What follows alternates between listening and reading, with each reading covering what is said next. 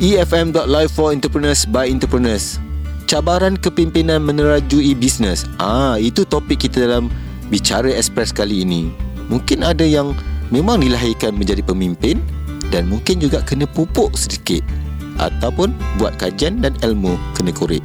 Jom kita dengarkan apa kata mereka.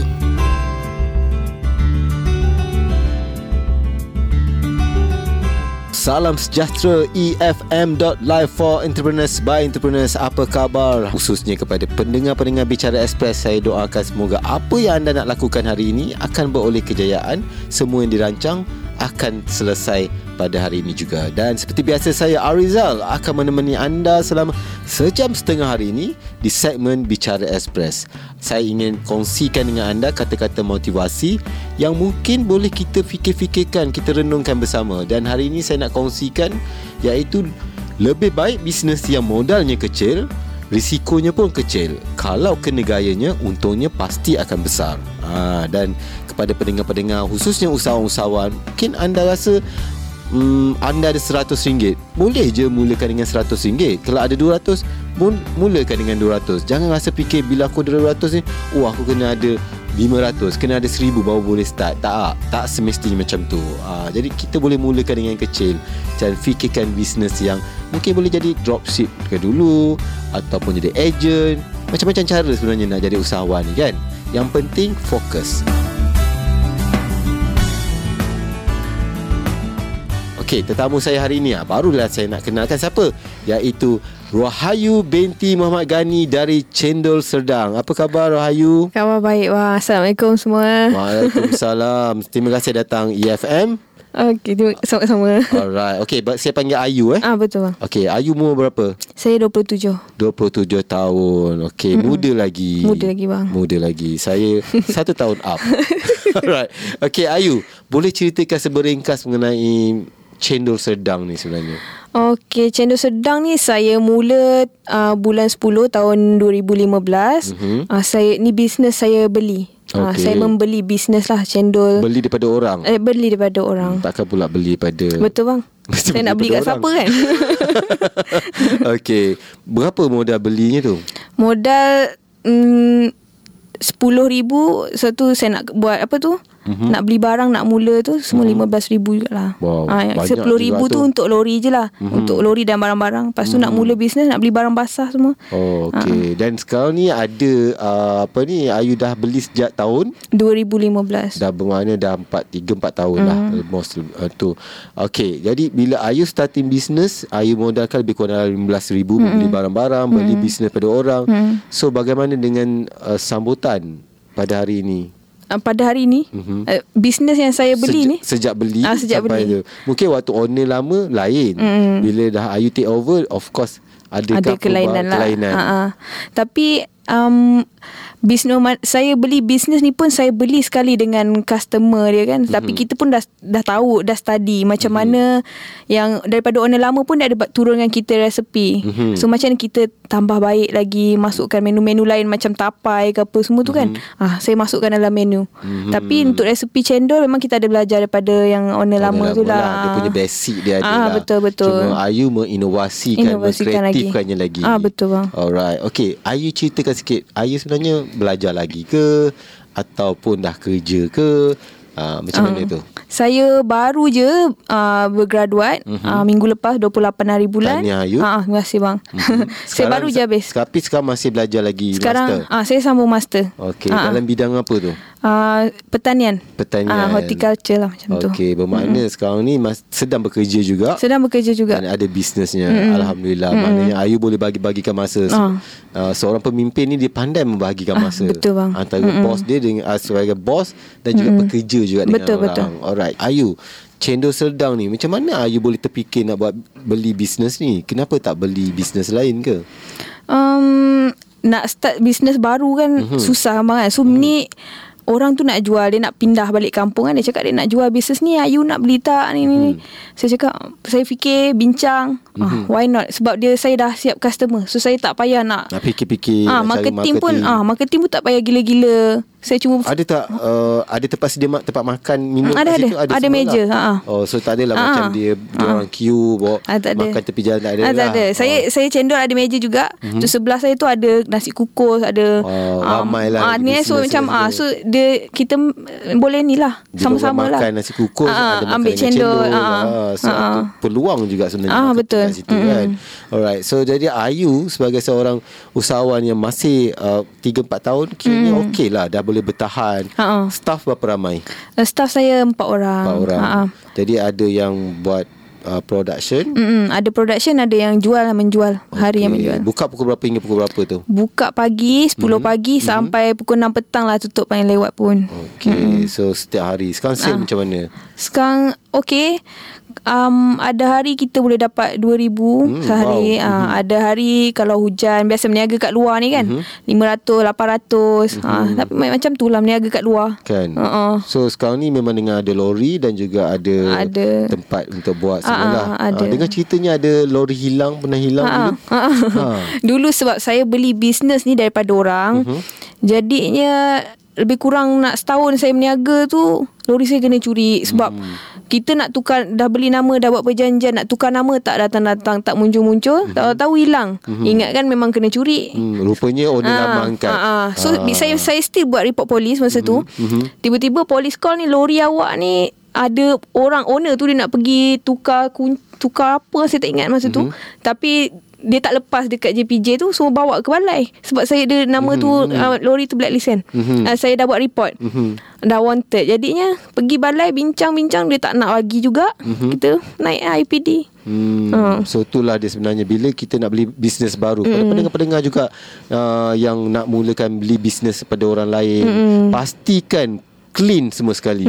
Tak ada dah hanky-panky ni. Mm-mm, betul, ah, Sebab kadang-kadang benda ni yang jadi isu Betul. Tak habis sampai Ah, bila-bila betul, kan ah. Sebab ada pengalaman kawan-kawan saya Yang dah habis berpuluh ribu Sampai sekarang banyak pula rupanya isu-isu lain Mm, Yang dia tak betul. sedar. Kita tak sedar. kan, Tahu-tahu owner kata sewa tak bayar Betul. Tahu-tahu kena gunakan nak jen, jenama produk yang sama. Betul. kan? Jadi kena pula bayar macam franchise. Kan? Benda-benda macam itulah Yang kita kena clear. Sebelum kita serahkan duit Mm-mm. Belum perjanjian ditandatangani Pastikan semuanya clean. Betul. Ayu. Okay Yeah. Ayu kita ada topik minggu ni. Iaitu topik kita iaitu tentang kepimpinan. Right? Iaitu cabaran kepimpinan dalam menerajui bisnes. Sebab ramai orang Usahawan-usahawan muda ni kadang dia orang ni tak ada ciri-ciri pemimpin. Hmm, betul. Kan? Dia rasa macam "Ah, aku bos, aku kau kena ikut cakap aku. Mm-mm, betul. Sebenarnya jadi pemimpin ni meluas sebenarnya. Ha, ha, betul. Okey, macam mana Ayu pula sendiri sebagai seorang bos, Mm-mm. sebagai juga pekerja di tempat lain dan pastinya Ayu ada kaki tangan yang macam mana Ayu menonjolkan ciri-ciri seorang pemimpin dalam bisnes Ayu. Jadi bos ni dia bukan semata-mata kita bagi arahan bekerja buat kerja tak. Macam mana kita nak wujudkan kerjasama dalam tim kita tu. Mhm. So of course lah kena ada understanding dalam kita punya tim tu. Mhm. Kita kena faham siapa pekerja kita, apa yang dia orang, apa kehendak dia orang, apa yang dia orang perlukan. Mhm. Sama-sama. So hmm. kena selalu duduk semeja bincang apa apa penambahbaikan yang kita boleh buat dalam tim ni, hmm. macam mana kita nak kukuhkan teammate kita ni. Sama macam saya kerja pun hmm. macam itulah.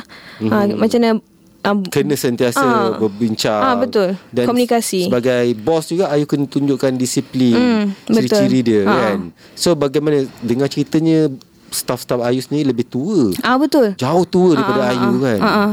Staff saya uh, tu lah Ah. bila lagi tua kan? ni Bukan Gen Y lagi Ah. dah Gen tah ke belakang Gen belakang. A. Gen A kan ABC Ah. Alright Ayu Kita pada topik kita tadi kan Mhm. Seorang pemimpin Sebagai seorang pemimpin Ayu rasa macam mana Ayu Macam mana Ayu Menjadi seorang pemimpin Kepada staff-staff yang berumur Lebih Jauh daripada Ayu Dah Gen ABC dah katanya kan Hmm. Betul. Ah, Dan Ayu sendiri Gen Y Ah, Macam mana Ayu nak Bagi dia orang Ikut apa arahan-arahan Ayu Okey, untuk dari segi arahan tu mm-hmm. saya pun tak berani. Kita tak boleh nak marah macam nak cakap macam buyer buyer saya kan. Mm-hmm.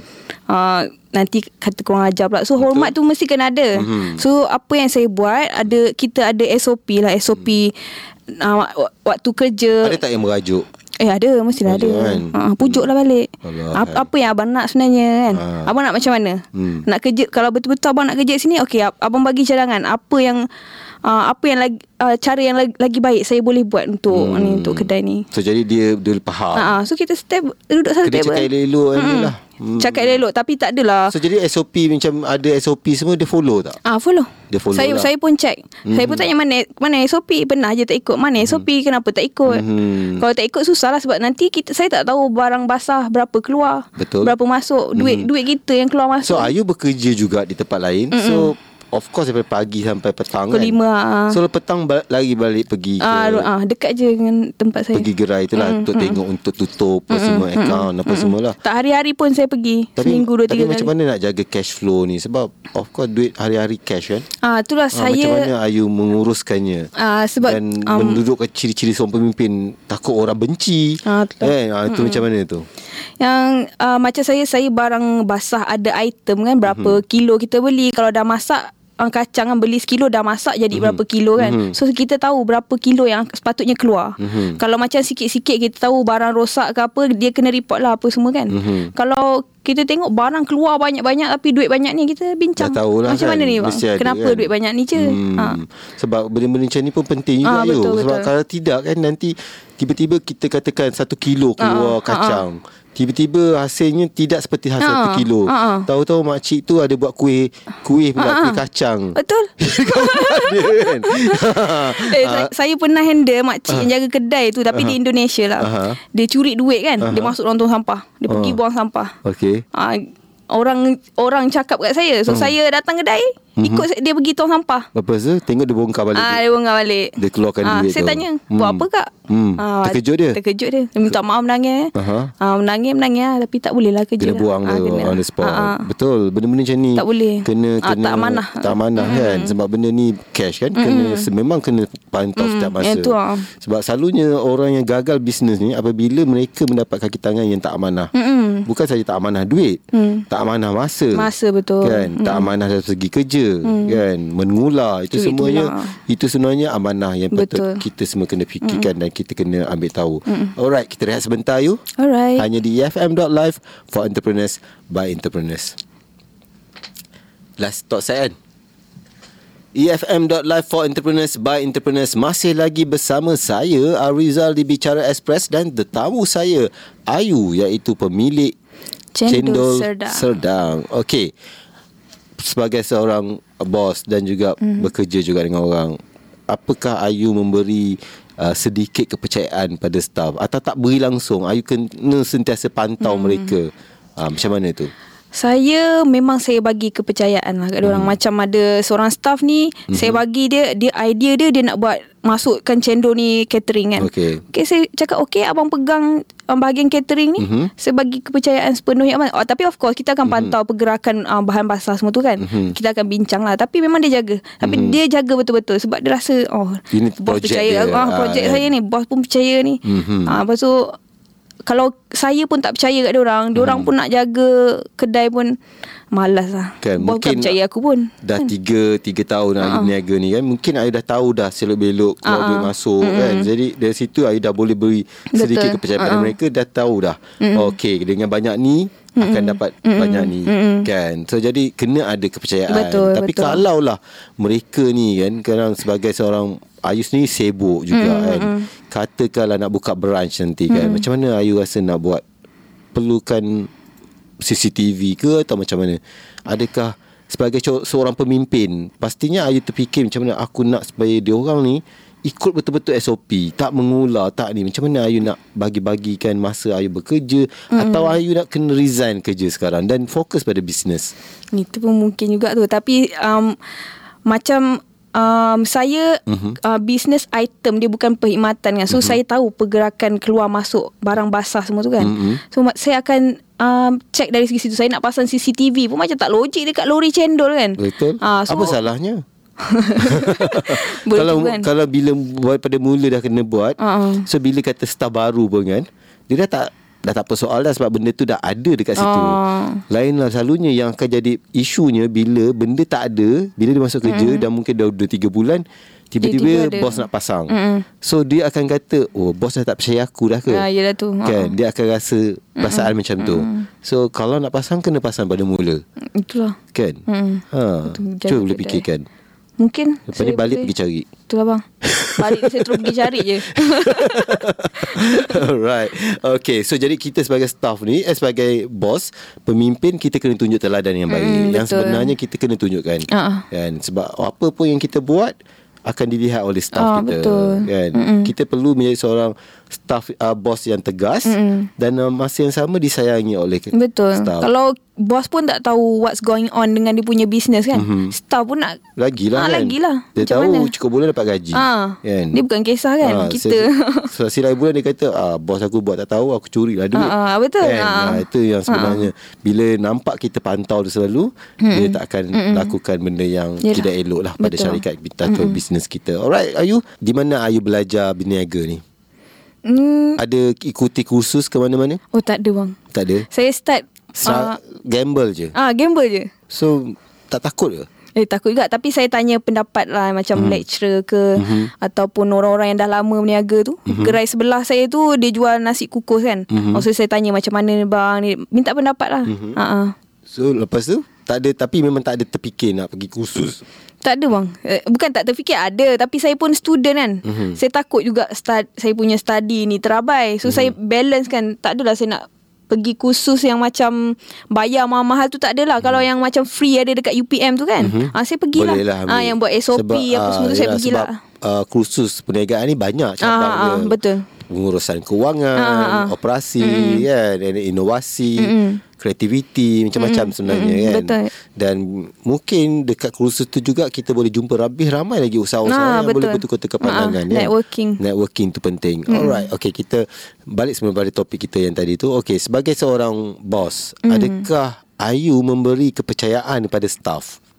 Hmm, of course mesti saya bagi. Mhm. Tapi kita kena apa ya, hati-hati, Mhm. jaga-jaga, tetap pantau. Jangan percaya lepas tu tinggal je. Mhm. Ha, lama-lama dah tak ada bisnes lah kita kan. Betul. Tahu-tahu dah bankrupt ke, Kan. tahu-tahu dah hilang. Sebab ada ada kawan saya juga, mm. ha, kawan saya Aduh, je memanjang. Ramai member. dia berniaga, dia buka gym. ah, oh. Okey. Habis dekat 400-500 ribu. Ah, mesti. Kan? Hmm. Lepas tu dia bagi pada staff dia buat. Kawan dia jaga. Kawan daripada belajar dekat Hmm. universiti lagi ni. Mm-mm. Jaga. Dia berjarang-jarang datang. Mm.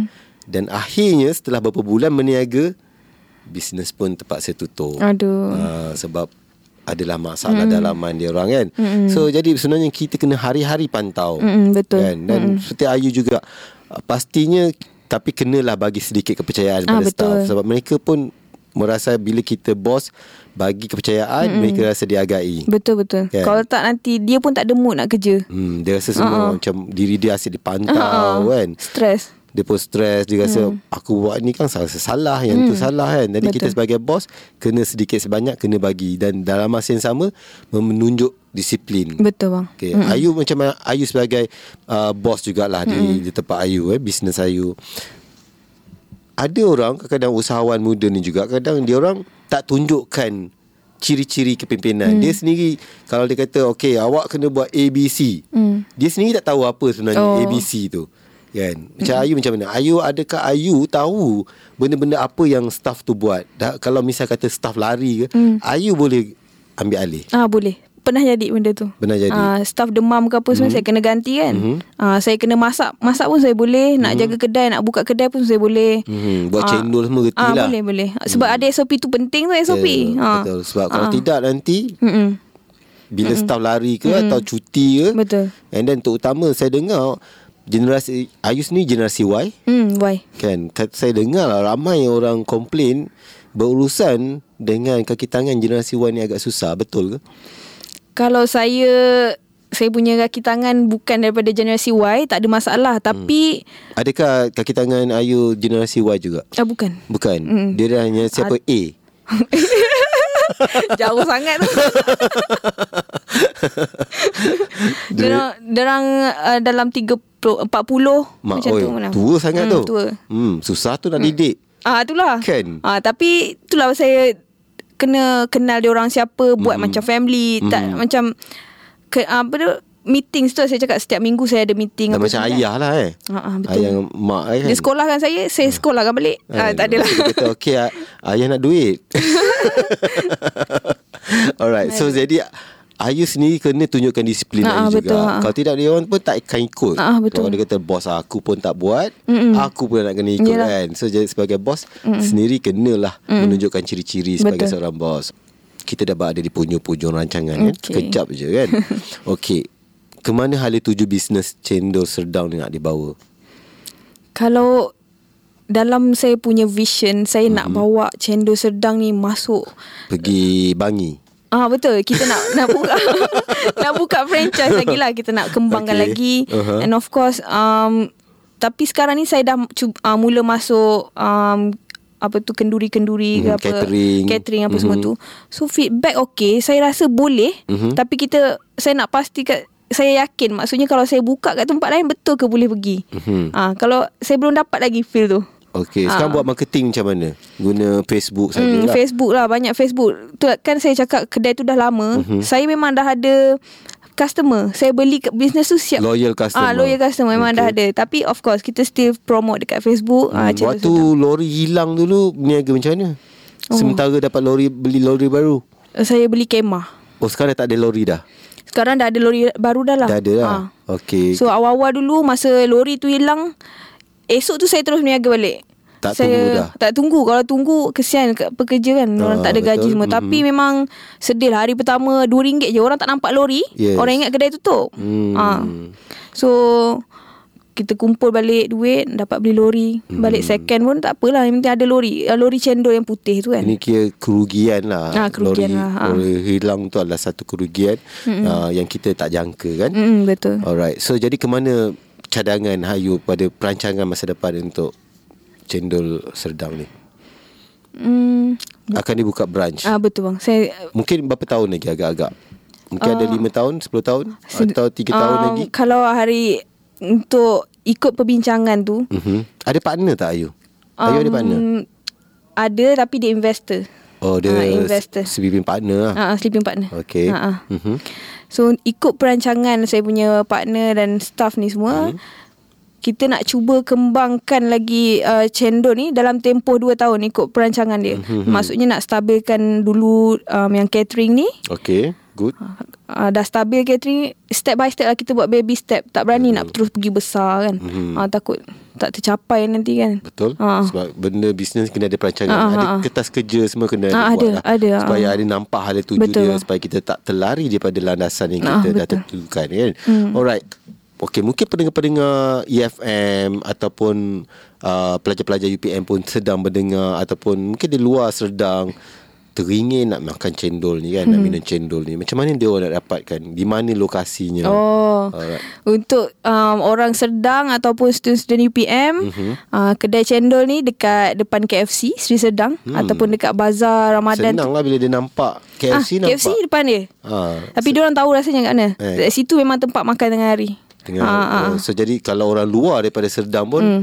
Kalau nak cari cendol cari Ah, KFC Cari Serdang. KFC Sri Serdang. Ah, Ah, kat okey. situ lah. Sit- Depan tu ada cendol satu tu je. Alright. Ah, ah. Kalau nak melihat hasil-hasil je orang ada Facebook ataupun Instagram ke yang boleh dikongsi? Ah, cendol Serdang.